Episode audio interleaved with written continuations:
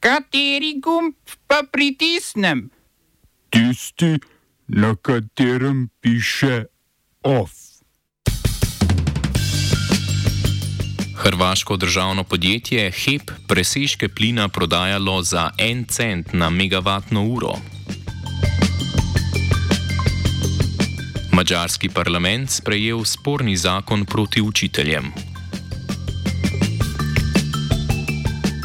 Analiza zdravstva KPK razkrila številna korupcijska tveganja.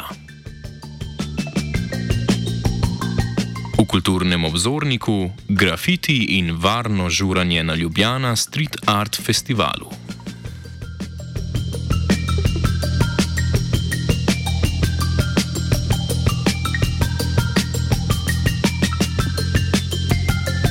Lepo pozdravljeni. Na Hrvaškem burijo duhove prodajne cene zemljskega plina. Hrvaško državno elektropodjetje, krajše HEP, je namreč viške plina, ki ga je poceni nekaj čez 47 evrov za megavatno uro kupovalo od podjetja INA, na to naprej prodajalo tudi poceni zgolj en cent na megavatno uro. Po navedbah poslanca opozicijske stranke Most, Zvonimirja Troskota, naj bi podjetje na dan tako ustvarilo tudi do pol milijona evrov izgube. Most tudi navaja, da je 60 odstotkov presežnega plina po znižani ceni kupilo privatno podjetje Prvo plinarsko društvo. Cena 47 evrov je sicer določena z uredbo o odpravi moten na domačem energetskem trgu iz septembra 2022, ki INO zavezuje k prodaji plina proizvedenega na Hrvaškem po tej ceni, ki je ob sprejetju uredbe bila petkrat manjša od tiste na trgu. V HEP-u se obtožbe, so se na obtožbe odzvali s tem, da nimajo vpliva na prodajo, ceno in izbiro kupcev za presežke plina prevzetega od INO pline, ker se ta ob polnosti skladišč avtomatsko preusmeri v transportni sistem. Ta je pod nadzorom Hrvaške agencije za regulacijo energetike in ne njih. Opozicijski poslanci so k prevzemu odgovornosti pozvali tudi predsednika Andreja Plenkoviča. Gospodarski minister Davor Filipovič, v čigar domeni je tudi skrb za plin, je odgovornost za trgovanje v izjavi prenesel na HEP.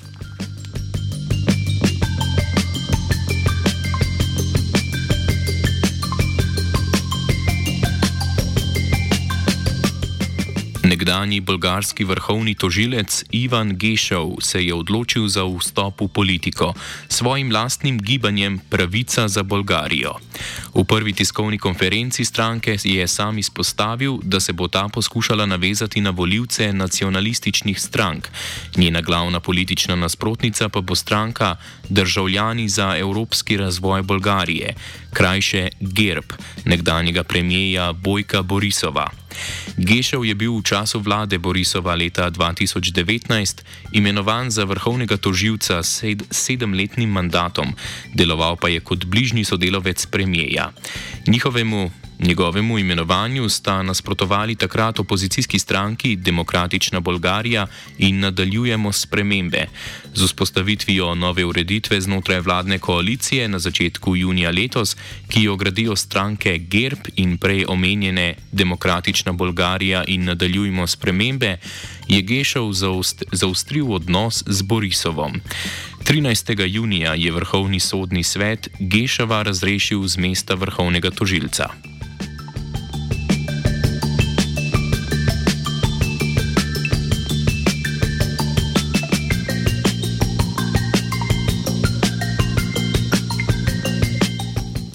Mačarski parlament je s 136 glasovi za in 58 proti podprl kontroverzne spremembe zakona o izobraževanju, ki bo v veljavo stopil 24. januarjem prihodnje leto. Najudarnejša sprememba, ki jo prinaša zakon, je ukinitev statusa javnega uslužbenca učiteljem, namesto katerega bo uveden nov status uslužbenca javnega šolstva. To bo učiteljem oduzelo nekatere zaščite ki jim jih je zagotavljal njihov prejšnji status. Po novih spremembah bodo lahko učitelje nadrejene oblasti brez njihovega konsenza začasno premestile na drugo šolo znotraj njihovega šolskega okrožja. Do zdaj se je o sprejetju pedagoškega programa odločalo na ravni učiteljskih zborov posameznih šol. Po uveljavitvi sprememb pa bo tam tem ostala le pravica podajanja mnenja, sama odločitev pa bo zdaj padla na ravni Ministrstva za izobraževanje. Novo je tudi določilo, ki pravi, da lahko dnevni obseg dela učiteljev presega 8 ur do maksimalno 12 ur na dan. Obseg števila ur nadomeščanja do sedaj obsegal od 55 do 65 odstotkov vseh opravljenih ur v tednu, delodajalec pa bo lahko iz katerega koli razloga po novem mejo dvignil na 110 odstotkov. Sindikati učiteljev in študentska društva so proti spremembam, ki po njihovo manjšajo avtonomijo učiteljev, protestirali že vse od marca, ko je bil predlog sprememb prvič objavljen na vladni spletni strani. Vpliv protestov in stanje šolstva na mačarskem komentira moderatorka pomorskega mačarskega radia Sandor Kovacs. Proti temu zakonu se že zdaj nekje skoraj dve leti protestirajo. Eh, zadnje čase je bilo dosti več eh, protestov. Eh, prišlo je tudi do uporabi recimo plinskih sredstev in tudi nekatere protestnike so odvedli oziroma sem tudi kazni napisali. Ampak nekaj malenkosti so za temi protesti tudi dosegli. Torej, glede v, v zakonu je prišlo do nekaterih sprememb, tako da recimo lahko bi rekli, da odpovedni rok je bil načrtovan šest mesecev, sedaj je tri mesece, oziroma tudi plače so se malo dvignile, oziroma bodo se malo dvignile za deset odstotkov, eh, kar pa pomeni, da še vedno realno ne rastejo, ker na mačarskem je inflacija trenutno okoli 20 odstotkov. Tako da nekaj malih uspehov je bilo glede protestov, nekaj so dosegli, ampak eh, večino pa ne, tako da sedaj tudi eh, pedagogi oziroma tudi njihovi sindikati rečejo, da bodo konkretni problemi nastali zdaj na mačarskem, že sedaj primanjkuje nekje 16 tisoč eh, učiteljev in eh, sedaj računajo, da jih bi zaradi tega novega zakona 5 tisoč v najslabšem primeru dalo odpoved in nekje tudi tako računa, da v najslabšem primeru bi se jih 6 tisoč upokojilo.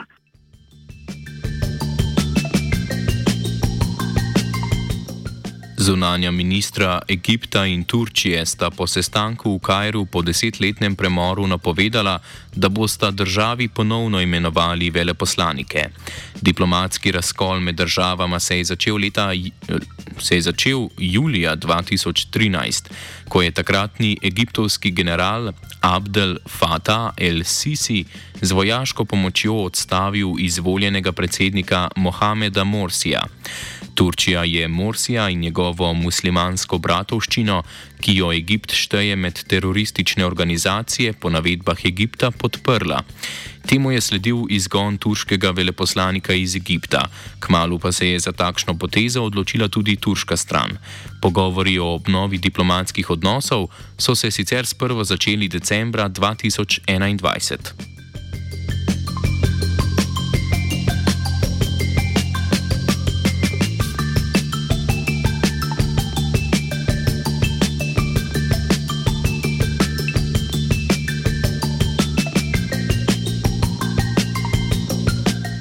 Glavni okrožni sodnik okrožnega sodišča Združenih držav za zahodno okrožje Luzijane, Terry Doughty, je izdal predhodno odredbo, ki nekaterim agencijam, med drugim ameriški zvezdni policiji FBI in uradnikom iz kabineta predsednika Joea Bidna, preprečuje komuniciranje s podjetji socialnih omrežij.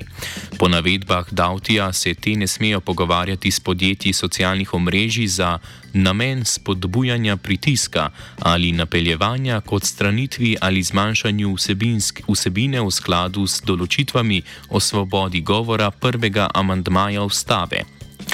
Prehodna odredba je odgovor na tožbo, ki sta jo proti Bidenu in nekdanjemu vodji Nacionalnega inštituta za alergije in nalezljive bolezni Antonijo Fauciju uložila generalna toživca zvezdnih držav Luzijane in Mizurija.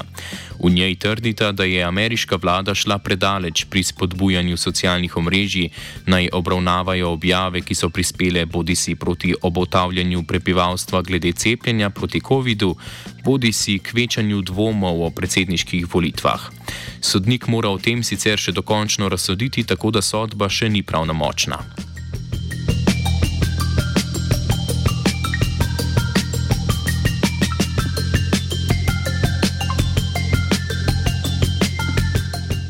Kolumbijska vlada in še zadnja večja aktivna oporniška skupina v državi, Narodno-osvobodilna vojska, krajše ELN, sta se dogovorili o prekinitvi ognja, ki bo začel veljati jutri.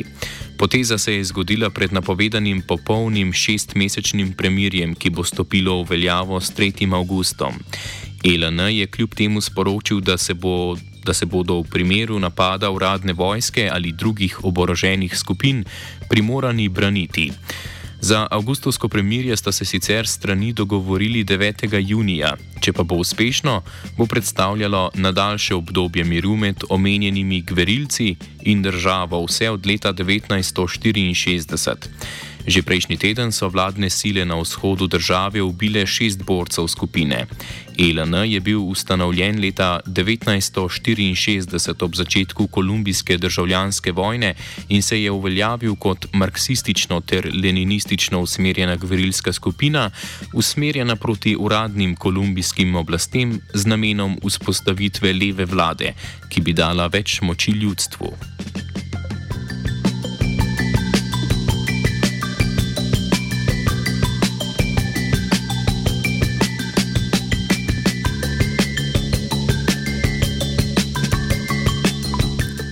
Izraelska vojska je sporočila, da je prenehala z vojaškimi operacijami v mestu Dženi in bližnjem begunskem taborišču. Izraelska vojska je po svojih navedbah izpolnila svoje zadane naloge, saj naj bi uničili šest obratov za proizvodnjo eksploziva in zaplenili velike količine orožja. Napad, ki se je začel v ponedeljek, je bil največja vojaška operacija na okupiranem Zahodnem bregu v zadnjih letih. Danes zjutraj je izraelska vojska sicer izvedla tudi zračne napade na območju Gaze, potem ko je prestregla pet raket, ki so bile izstreljene proti ozemlju Izraela. Smo se osamosvojili, nismo se pa osvobodili. Naslednje število je še 500 projektov. Izpiljene modele, kako so se strani nekdanje LDS rotirali. Ko to dvoje zmešamo v pravilno zmes, dobimo zgodbo o uspehu. Takemu političnemu razvoju se reče udar. Jaz to vem, da je nezakonito, ampak kaj nam pa ostane? Brutalni obračun s politično korupcijo. To je Slovenija, tukaj je naša zemlja, to je Slovenija, Slovenija, Slovenija. Odbor Državnega zbora za kmetijstvo, gozdarstvo in prehrano je podprl predlog novele zakona o kmetijstvu. V prid predlogu so glasovali vsi člani odbora. Ta med spremembami določa pravno podlago za izvedbo zbiranja podatkov o ceni, količini in poreklu v verigi preskrbe s hrano. Po pojasnilu ministrice za kmetijstvo, gozdarstvo in prehrano Irene Šinko se bodo podatki zbirali pri vseh deležnikih v verigi preskrbe s hrano. V skladu z njimi pa bodo na to analizirali in pripravljali predloge za kmetijsko politiko v okviru skupine EU politike tega področja. Z Agencijo Republike Slovenije za kmetijske trge je kmetijsko ministrstvo vzpostavilo računalniški sistem za poročanje teh podatkov. Za zavezance poročanju pa bo sredi julija izveden tečaj o tem postopku. Druga sprememba zakona pa ureja pravno podlago za financiranje izvajanja letnih programov aktivnosti kmetijskih, razvojnih in izobraževalnih organizacij slovencev v zamejstvu, ki se nanašajo na kmetijstvo. Kmetijsko-gospodarska zbornica Slovenije in Združna zveza Slovenije sta s spremembami zadovoljni.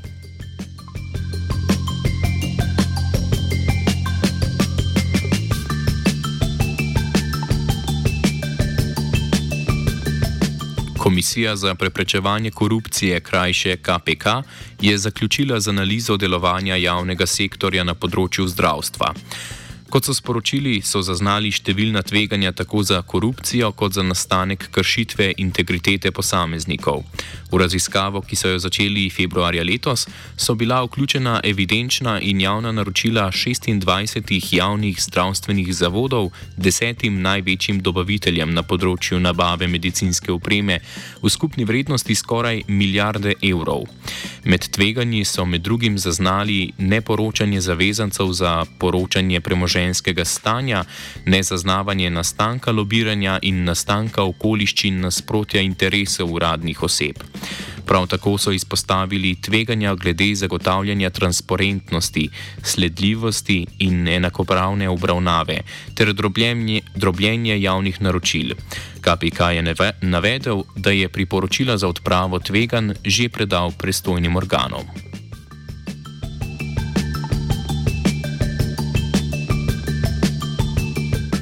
OF je pripravil Filip.